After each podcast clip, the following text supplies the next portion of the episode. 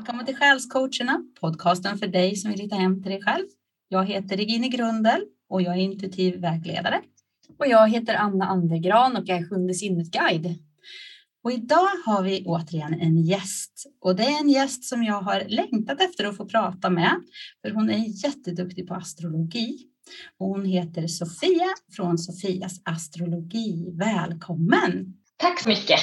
Och vi tänkte att du skulle få börja med att presentera dig själv lite grann och din bakgrund som astrolog. För jag vet att du har många grenar där bakom att du har läst astrologi väldigt länge. Så om du har lust att berätta lite så skulle vi bli jätteglada. Ja, men det gör jag gärna. Eh, jag har väl alltid varit intresserad av astrologi. Började när jag var 14 ungefär. Eh, hittade någon bok om astrologi på Biblo, började läsa den och blev helt fascinerad. Och sen så började jag ehm, läsa lite mer avancerad astrologi och försökte lära mig själv och sådär. Tills jag eh, hittade en utbildning i Danmark som jag gick på i Köpenhamn på Skandinavisk astrologiskola. Eh, jag har bott väldigt länge i Malmö så att eh, det var lätt att bara pendla över till Köpenhamn. Så att eh, jag pluggade där några år och sen så har jag pluggat mycket vid sidan om själv, alltså självstudier och så vidare. Eh, gick även eh, på en ayurvedisk skola i Danmark där jag lärde mig indisk astrologi, eller gick en kurs i indisk astrologi, en grundkurs kan man ju säga då. Och sen har jag läst, eh, pluggat liksom vidare med det på egen hand. Så jag är västländsk astrolog, eh, men jobbar ganska mycket med de indiska teknikerna från den vediska astrologin. Vedisk och indisk astrologi är samma sak, det betyder samma sak. Ehm, så att det är väl på den vägen och sen har jag lärt mig också lite eh, en del om den äldsta astrologin, den babyloniska och eh, använder lite av det också faktiskt i mitt arbete. Det är det som jag tycker är så spännande med dig, att du har så bred bakgrund. Det är inte bara den här vanliga västerländska, utan du har det här med vediska och babyloniska. Det blir en sån bred matta av kunskap under allt du gör. Och eh, frågan som vi vill ställa, eftersom vi är intresserade av det här hur man hittar hem till sig själv, så är ju frågan vi vill ställa, hur kan man använda astrologin för att stärka sig själv, hitta hem till sig själv och förstå sig själv bättre? Ja, men det är en bra fråga, för det är väl oftast där de flesta börjar. Alltså, blir man intresserad av astrologi så är det ofta för att man vill höra om sig själv. det är ofta så. Ja. Um, och där är ju astrologi som vilket verktyg som helst egentligen. Uh, alltså det är en metod att lära känna sig själv bättre. Eh, ett födelsehoroskop berättar väldigt mycket om personligheten, vem man är och, och är man lite mer andligt intresserad, ja men då kan man ju kika utifrån förra liv och själens uppgift och sådana saker så att det blir liksom ganska många dimensioner i ett födelsehoroskop. För det visar ju också ja, men vilken karriär är mest lämplig och sådär. Men de sakerna känner man ju oftast. Det är oftast ingenting som är nytt. En astrolog bekräftar ju normalt det som man redan vet på något sätt, men det kan vara skönt att få bekräftelse på det. Um, sen kan det också hjälpa till vid till exempel det som, är ganska, det som har kommit upp ganska mycket nu i det här med att vara överkänslig. Uh, highly sensitive people. Och det syns ju också väldigt tydligt i horoskopet och det kan ibland vara skönt att man får veta det av en astrolog. Att jo, men planeterna står så här, så det betyder att du är lite mer sensitiv eller känslig, vad man nu ska kalla det för, än andra människor. Och det kan ju vara skönt att få en bekräftelse på det, för annars kanske man går omkring och så tycker man att man kanske inte riktigt eh, passar in eller att andra tycker att man är känslig. Och, jag menar, hela den problematiken kan vara ganska skönt att få bekräftelse på. Att jo, men så här ser det ut och du behöver leva lite annorlunda då kanske än andra människor för att må bra. Du klarar inte av hög stress exempelvis eller vad det nu kan vara för någonting. Och det upplever jag ofta med, med kunder och klienter att det kan vara någonting som hjälper dem väldigt mycket. Att de får liksom en, mm, en förklaring bakom och på något sätt också kanske att de känner att, eh, att, de har, att de har rätt i det de känner lite grann. Så att där tycker jag astrologi är väldigt, kan vara väldigt, hjälpa till väldigt, väldigt mycket. Men många tror ju att de är sitt soltecken det är ju få som vet hur komplext mm. astrologi är egentligen. Går det att beskriva på ett enkelt sätt? Jag vet att det är komplext, jag vet att det är svårt att beskriva enkelt, men ändå lite. Vad, vad tittar du på i ett horoskop och hur, hur går det liksom till när man får sitt horoskop ställt? Astrologi, alltså ett födelsehoroskop är som ett fotografi ungefär, hur himlen såg ut när man föddes. Det är en sanning med modifikation för att eh, eh ja, det är lite, lite astronomiska saker som skiljer sig. Men för att, för att förstå så enkelt som möjligt så tänk att det är ett horoskop, eh, ett fotografi av ögonblicket när du föddes. Solen är där, det är stjärntecknet, alltså det vi säger att vi är födda i, det är där solen stod i det stjärntecknet. Eh, och solen är en månad i varje stjärntecken, så de flesta vet ju vilket, vilket stjärntecken de är födda i. Men sen har vi alla de andra planeterna. Vi har månen och Merkurius och Venus och Mars och Jupiter, Saturnus, Uranus, Neptunus, Pluto och så Rahu och Ketu eh, som är de mest karmiska punkterna i horoskopet. Så det är ganska mycket mer än bara det stjärntecken som man liksom är född i så att säga. Och de viktigaste är solen och månen och ascendenten. Och ascendenten, det är det stjärntecken som steg över horisonten när du föddes. Och den visar din livsväg. Eh, visar också ganska mycket av din personlighet. Och det som det första som människor uppfattar om dig är ascendenten. Så att du kan vara född i ett väldigt utåtriktat stjärntecken men så har du ascendenten i ett väldigt inåtvänt stjärntecken. Så ibland kan det bli ganska missvisande. Ascendenten, första, första liksom kontakten med en person kan bli eh, att man får en helt annan bild av någon än de egentligen är innerst inne. Och det märker man inte förrän man lär känna dem lite närmare. Och månen, månen är ju extremt viktig för kvinnor. Det är den viktigaste planeten, den styr ju kvinnor. Den styr ju allt som har med kvinnor att göra egentligen, alltså menstruationscykeln, hela vårt hormonsystem, styr vår tidigaste barndom och känslomässig trygghet och, och så vidare. Så den är också extremt viktig. För kvinnor är oftast viktigare med månen än med solen, vanligtvis. Så det är väl de tre sakerna som är de viktigaste, men sen tittar man på allt annat också och vilken relation som planeterna har till varandra. Står de nära varandra, står de inom vissa grader ifrån varandra så betyder det olika saker. Och sen tittar man också på var någonstans i horoskopet ligger de. Vilket, det finns tolv olika livsområden. Eh, och ibland så har man ju många planeter i ett visst livsområde och då blir det väldigt dominant under ens liv.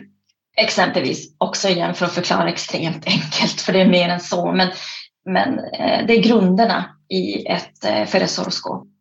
Och när jag ställer horoskop, eh, veckohoroskopen som finns på min Youtube-kanal, då tittar jag utifrån ascendenten och det är för att då blir det mest, det stämmer bäst helt enkelt eh, när jag tittar utifrån det. Så därför så har jag valt att göra det där jag, jag är lite nyfiken hur du som astrolog ser på dina medmänniskor. Blir det så här att du tittar på dem utifrån de olika stjärntecknen när du möter nya människor? Liksom att du säger, oh, det var lejonenergi eller det var marsenergi eller ja, du vet.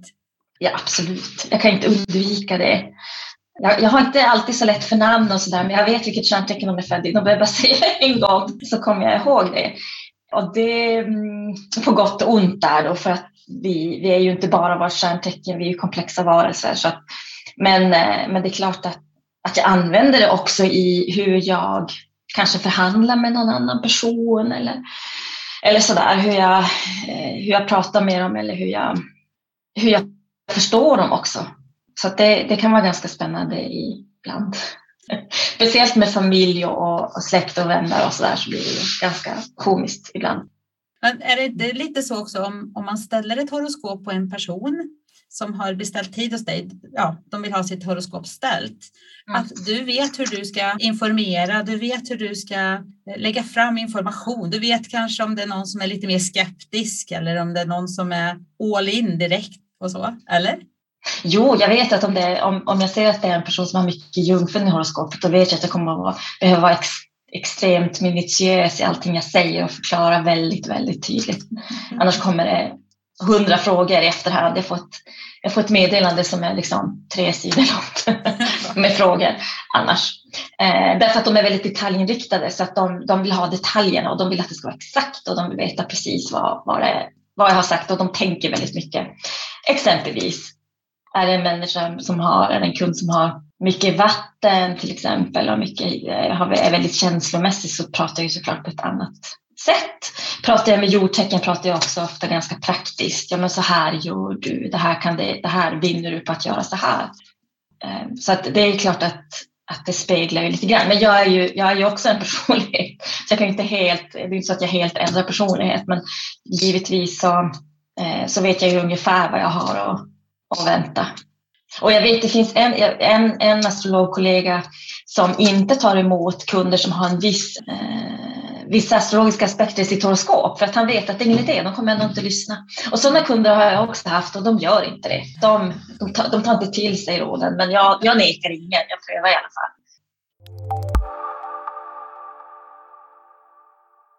Har du träffat någon kund någon gång där horoskopet inte alls stämde med personen? Där det liksom inte går ihop? Ja, men det har aldrig hänt.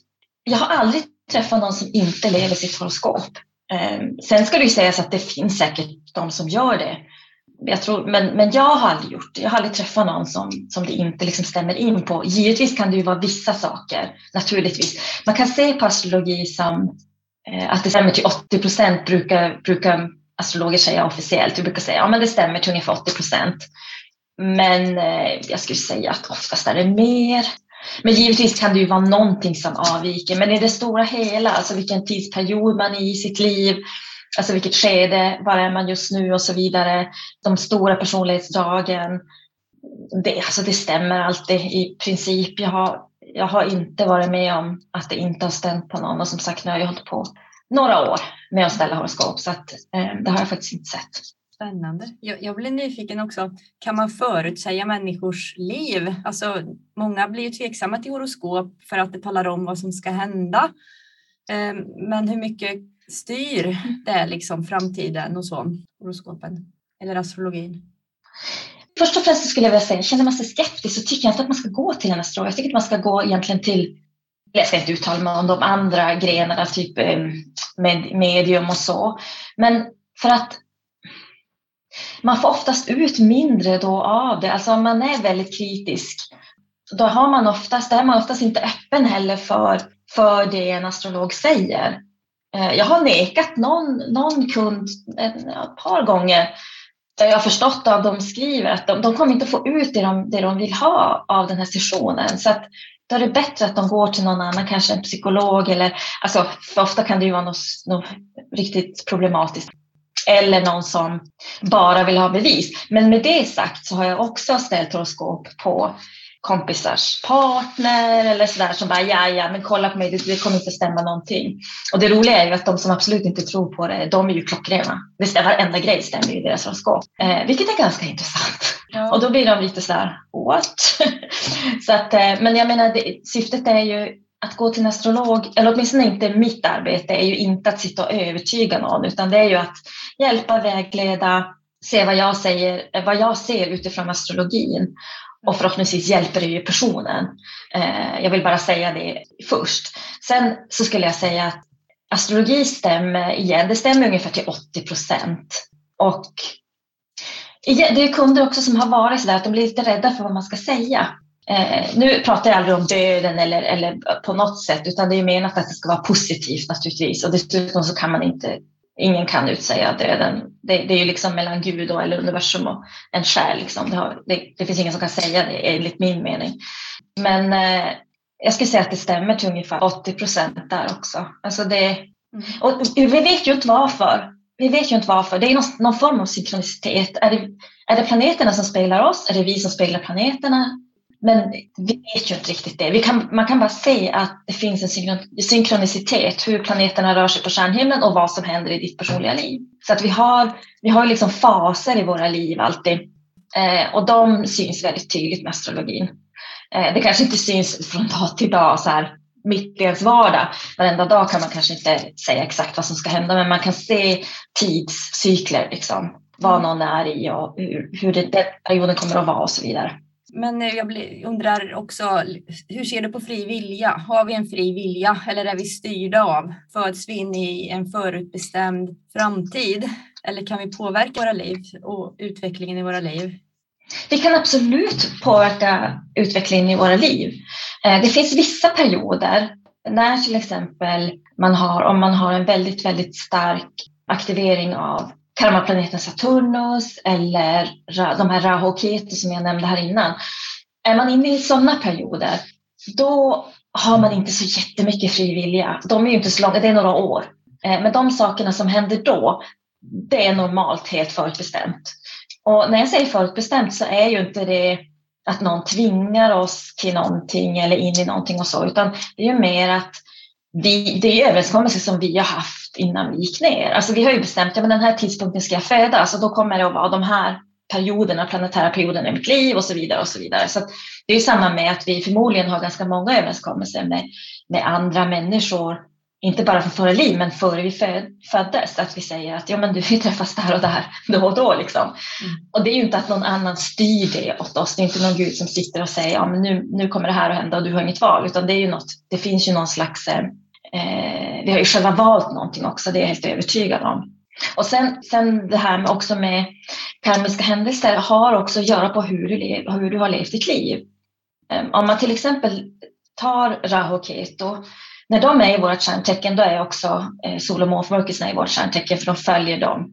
Och är det så att man har levt ett...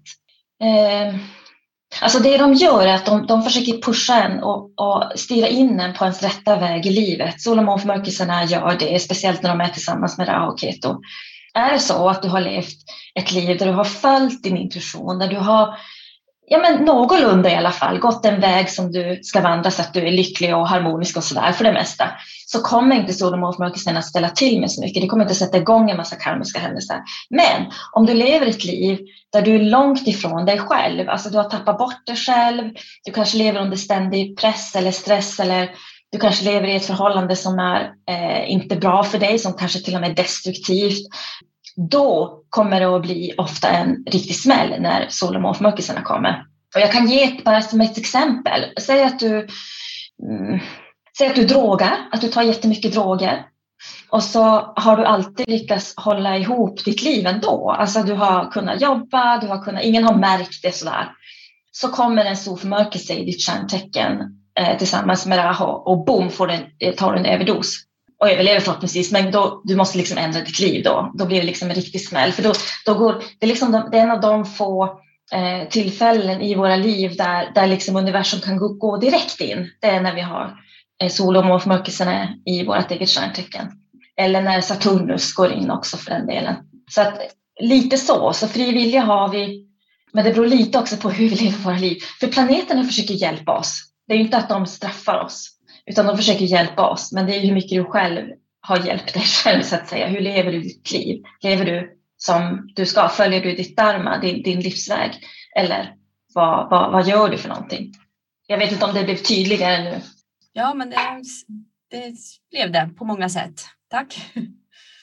Jag har en fråga. Du sa det här om man lever sitt liv sant eller som det är meningen att man ska leva sitt liv. Jag tänker ju att mm vårt liv så, så lever vi utifrån våran själ, våran centrering, vårt centrum. Betyder det också att vi lever enligt vårt horoskop, alltså att vi använder energierna i vårt horoskop som det var tänkt från början? Ja, kort och gott. Så, så, sen har vi ju utmaningar i horoskopet, men det är ju liksom lite vad har vi gjort med det?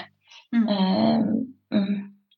Min, då är min fråga att då kan alltså horoskopet, födelsehoroskopet vara som en bild av ens själ. Ja, men precis. Precis. Som jag sa innan så födelsehoroskopet har ju många olika nivåer. Så en del av det, alltså det, är ju, det, är ju, det visar ju ganska tydligt vilken är din livsväg, vad, vad är det du har, har valt, skulle jag vilja säga då. Inte vad det är du ska göra, utan mer vad det du har valt att vilja göra den här gången. Vad är den bästa vägen för dig? För det är egentligen, alltså det, astrologin är ju ju, är ju väldigt gammal i Indien till exempel. De har ju bevarat den gamla kunskapen där. Och från början så var det det som astrologi gick ut på, att du skulle hitta ditt dharma, alltså inte karma utan dharma, D-H-A-R-M-A. Vad är det, var blir du lycklig? Vad är det du menade att, att göra i det här livet? Vad, vad, vilken väg ska du gå? Och det är det som astrologin handlade extremt mycket om från början i Indien. Spännande. Det stämmer väldigt bra med, med den syn jag har också på hur ens fria val egentligen handlar om att välja sitt sanna syfte eller inte. Det är egentligen det som det handlar om för mig också. Att, att välja att följa sin själs rätta väg eller inte. Det är mer det än någonting annat som är fri vilja för mig också. Om jag tolkar dig rätt. Ja, ja men precis. Och, och, det är klart, man vill inte heller prata, alltså man, det här kan man ju prata om utifrån en massa olika metoder, inte bara astrologi. Men det blir ju konsekvenser, oavsett hur vi gör så blir det konsekvenser om vi inte följer vår egen väg. Det, det är vårt sanna ja, eller vad man nu ska säga. Ja. Och astrologin förklarar det på det här sättet och sen finns det andra som förklarar på andra sätt. Och det, för det är ju det vi ändå någonstans strävar efter, att bli autentiska, att vara oss själva, att leva det liv vi verkligen vill leva. Och där kan astrologin hjälpa till jättemycket. Det är ju coolt att hela universum hjälper ändå till rätta om man går fel. Mm, absolut. Jag är nyfiken på det här med dharma. Hur ser man det i horoskopet? Eller är det en samlad bild du får? Eller är det vissa, kan man se på vissa ställen i horoskopet vad man har för dharma? Jo, fast man tittar ju på det på alla sätt. Eh, det är inte bara en grej som säger ja men så här, det här är vad du ska göra, utan det är väldigt många olika saker som man sen lägger ihop och ser mm. vad, vad är det liksom. Och sen så inom indisk astrologi så har man ju underhoroskop också eh, som man använder sig av. Så att det är ganska komplicerat faktiskt. Och ändå inte, för de flesta vet precis vad det är som de ska göra. Det är, bara, det är frågan bara om de gör det. Om de sätter upp hinder för sig själv eller om de blockerar sig själv eller om de kanske inte vågar. Det kanske finns en massa rädslor. Eh, det kan man också se väldigt tydligt i horoskop. Om, om man är rädd egentligen för att leva det liv man man hela tiden känner att ja, men det är ju det här jag ska leva. Och det är ju också kanske mm, uppfostran, eh, samhällets krav, eh, ja allt möjligt kan det ju vara naturligtvis. Mm. Så att även om det kan vara, även om det jag säger nu, ja men det är ganska komplicerat att se någons livsväg så ja, nog vet folk ändå innerst inne nästan alltid vad det är de vill göra. Det är bara frågan om de vågar eller gör det liksom. Mm. Och de kanske vågar om de får bekräftelse. Man får höra det från någon annan. Ja, jo.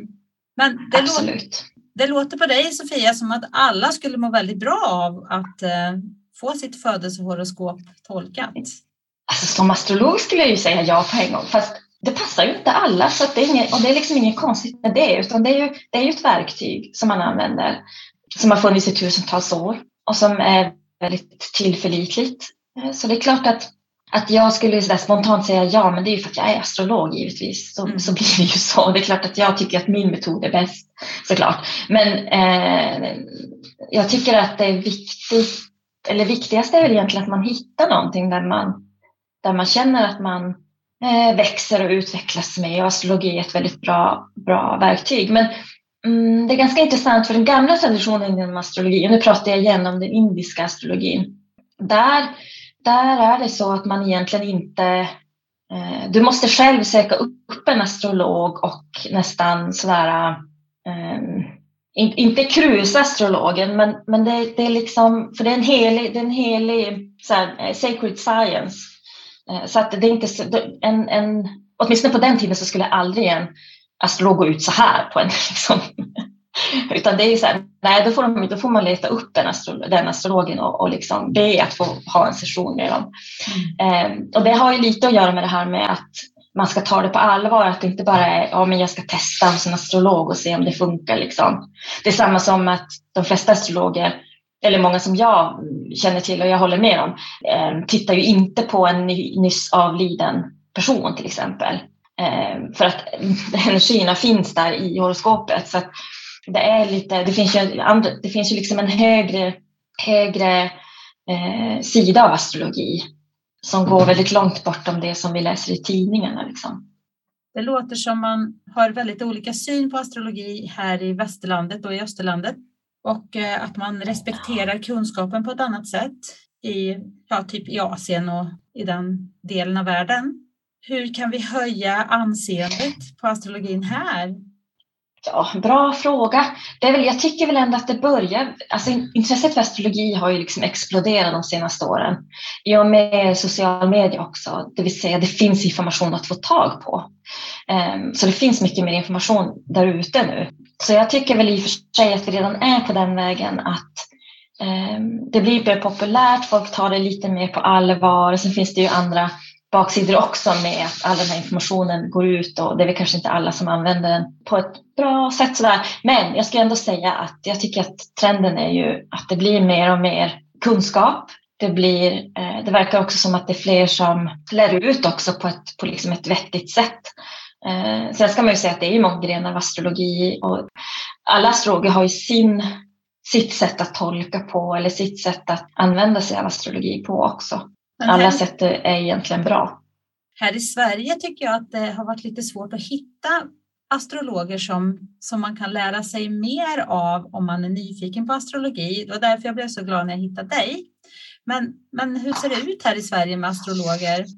Ja, alltså jag känner inte till så mycket. Alltså mina lärare, jag har ju inte haft jag har inte utbildat mig någonting i Sverige, eh, så jag kan inte svara så mycket runt omkring det. Men det, om jag var astrologintresserad och inte kunde någonting, då eh, skulle jag förmodligen eh, vända mig till England tror jag på, på Faculty of Astrological Studies. Det är en av de äldsta institutionerna för astrologi, eh, har väldigt, väldigt gott rykte och har väldigt mycket webinars och, och långa kurser, korta kurser, distans eh, och så vidare. Så det är nog, det, jag hade nog vänt mig dit om jag liksom hade velat, velat lära mig mycket mer.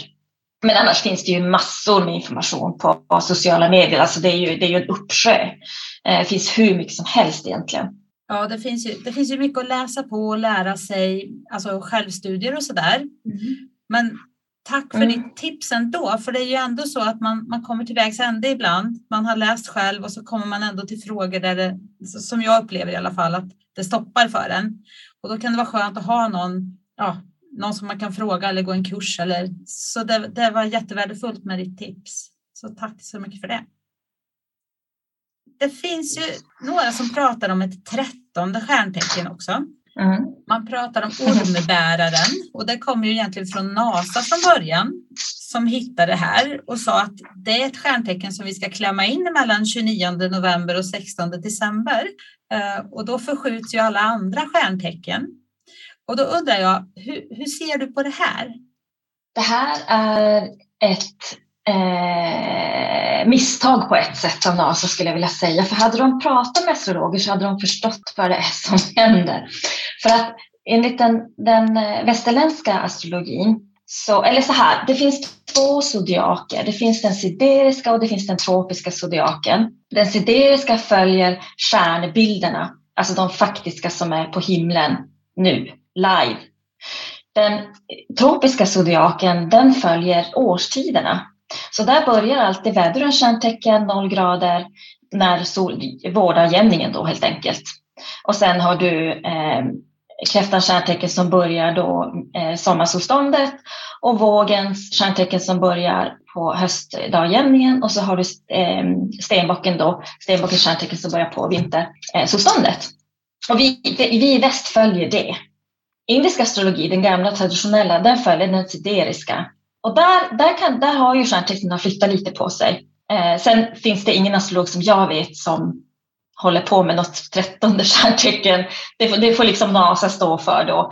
Möjligtvis de, den shamanska astrologin, kan inte så jättemycket om den, men jag kan tänka mig att är det någonting så är det där. Eh, de kanske använder den möjligtvis, men, men eh, ingen, inte de vanliga stora grenarna av astrologi, alltså den västerländska och den indiska. Eh, så jag vet inte eh, riktigt vad NASA... Jag tror att det handlar ganska mycket om rubriker också måste jag säga. Alltså att man ska dra till sig följare och sådär, tror jag. Eller ja, jag vet inte riktigt. Mm. Ja, vad bra att du klargjorde det där, för det har dykt upp i huvudet på en. Alltså hur hänger det ihop med det där egentligen? Men äh, jättebra förklarat. Mm. Vi hade ju också en fundering på, det, det, är ju mycket prat om det här med eh, med Vattumannens tidsålder och att det är starka positioner i Vattumannens stjärntecken just nu. Och det, det är mycket prat om det där precis nu. Kan du tydliggöra det här för oss lite? Vad är Vattumannens tidsålder? Det är ju en stor fråga, men också hur påverkar Vattumannen och positionerna med Saturnus och Jupiter och allt oss här och nu? Ja, men då är det så att eh, vi har gått in i eller så här, det finns många olika teorier och påståenden kring Vattumannens tidsålder. Jag personligen tror för min del så har vi börjat gå in i den, tror jag. Men det finns många olika som sagt, teorier runt omkring där. Eh, men det man kan säga, som, som alla ändå kan hålla med om, det är att Saturnus och Jupiter har för första gången på 200 år stått tillsammans i ett lufttecken, då, Vattumannen. Eh, I 200 år så har den här konjunktionen, som det kallas för, när två planeter står väldigt nära varandra, när de möts i ett stjärntecken, det har skett i jordtecken.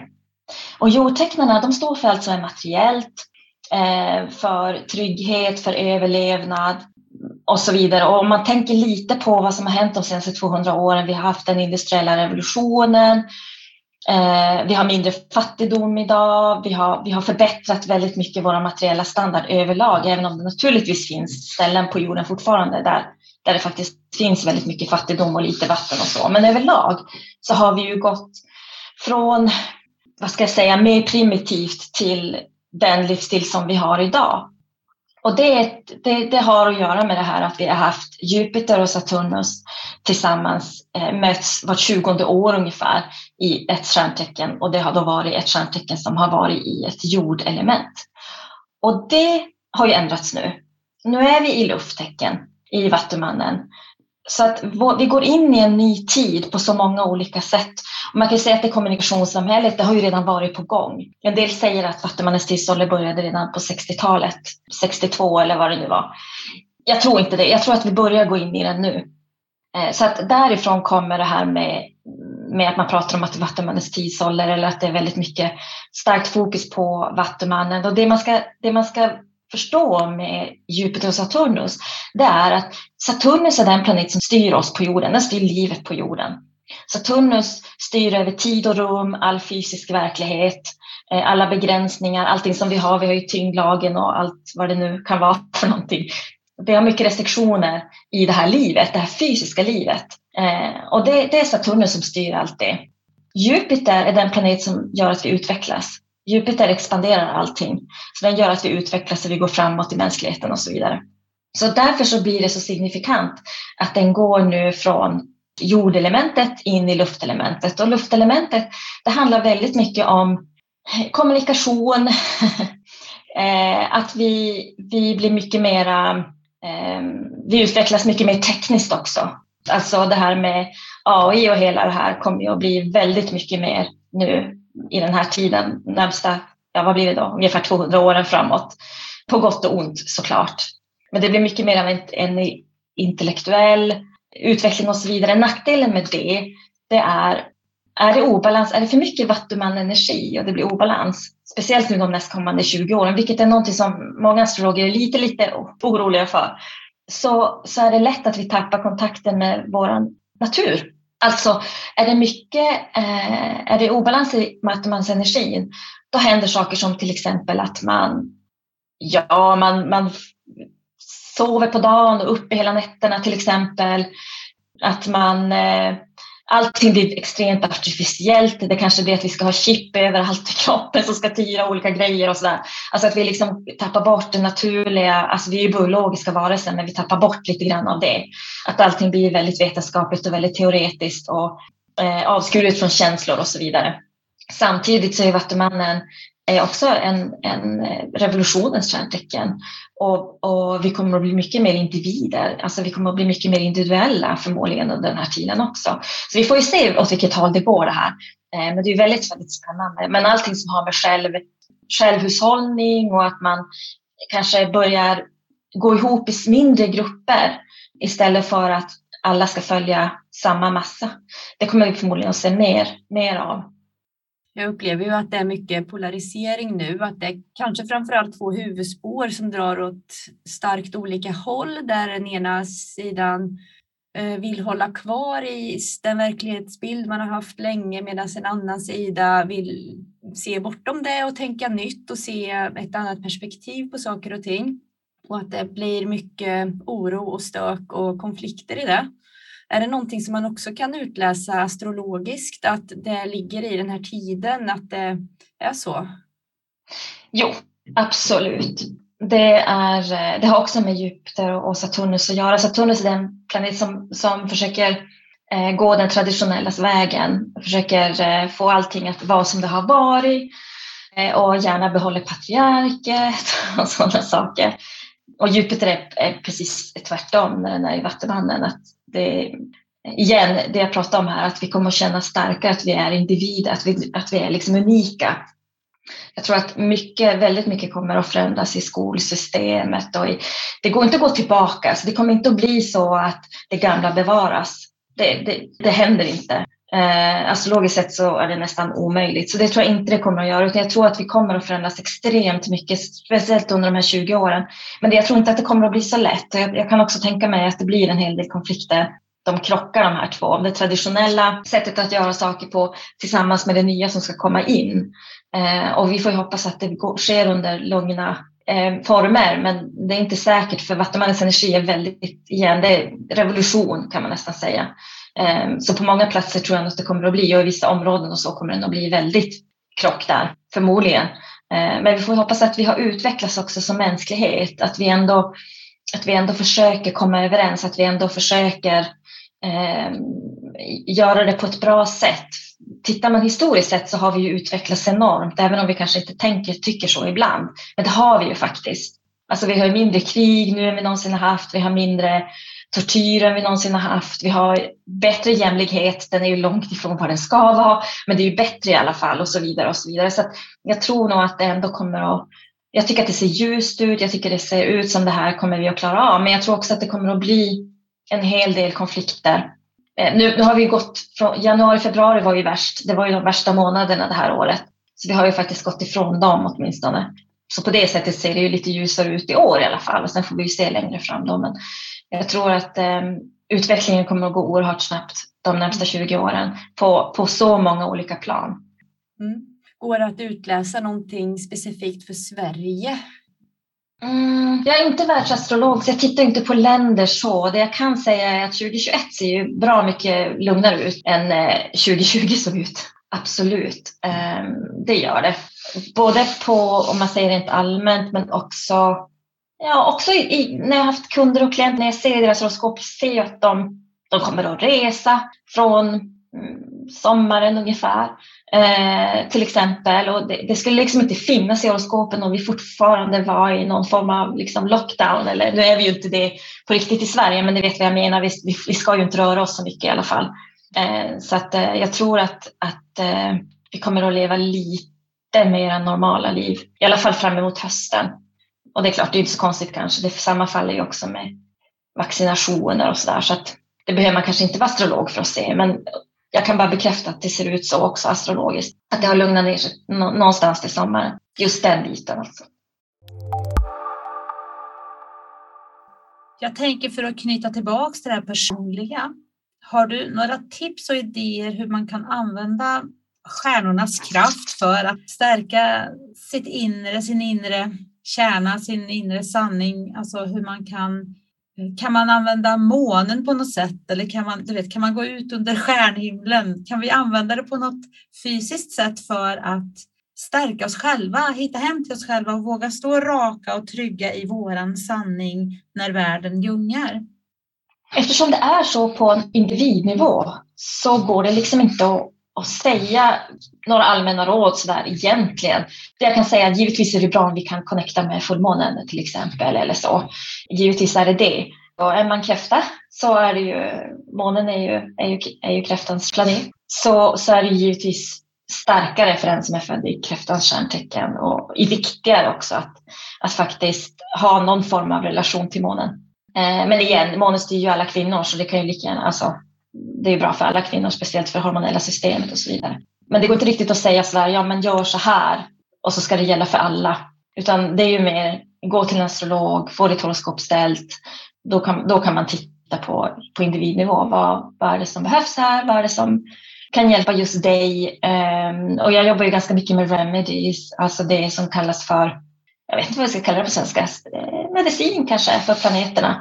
Och, och då gör man saker som dämpar om man har till exempel en, ja, en, en, en dåligt placerad planet i sitt horoskop så kan man göra saker som dämpar den effekten så att man stärker planeten till exempel. Sådär. Men igen, då, det, då, måste man ju titta på den personens horoskop det var en astrolog som hade räknat ut att det tar 22 000 år för en person att ha exakt samma horoskop som dig.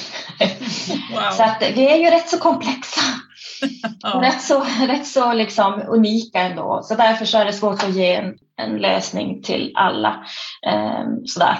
Mm. Det där med månen är ju väldigt intressant. Och du sa ju förut att eh, för kvinnor är måntecknet viktigare, kanske viktigare än solen. Om man tittar på person, person, personliga födelsehoroskop så skulle jag säga där är månen på en kvinna, där är månen viktigare än solen, nästan alltid. Finns undantag, beror lite på hur horoskopet ser ut, men i nio fall av tio så är månen mycket viktigare än solen. Man tittar på vad som ska hända i ens liv, alltså framåt. Eh, om du tänker till exempel, jag ställer ju veckohoroskop, jag har ställt månadshoroskop också förut på Youtube, jag kanske ska börja med det igen, vi får se. Ehm, då är det ascendenten som man tittar på främst. För månen är mer vad du, vad du känner eller hur du kommer att uppleva någonting. Eh, ascendenten visar mer faktiska fysiska händelser. Vad är det som, vad är det som ska hända? Mm. Intressant. Mm. Är det så att man är intresserad av min astrologi så finns jag på Youtube. Eh, jag lägger ut veckohoroskop varje måndag. Så det får man gärna lyssna på.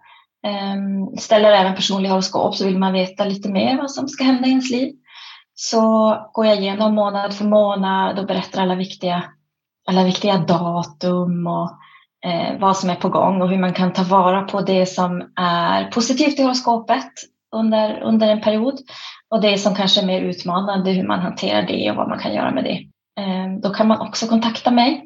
Och jag tror att du skulle lägga ut mina kontaktuppgifter där på bloggen. Eh, mm. Annars så finns jag på Sofias astrologi, min Youtube-kanal. Så det får man gärna kolla på. Men känner att man är intresserad av det. Ja, rekommenderas. Mm. Sofia med PH. Jajamensan. Jag tycker det här har varit jätteintressant och spännande och eh, du har förklarat allt så bra och tydligt. Mm.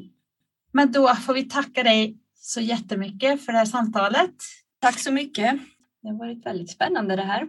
Ha det så bra Sofia. Ja, tack så mycket. Hej hej. Hej hej. Hej då.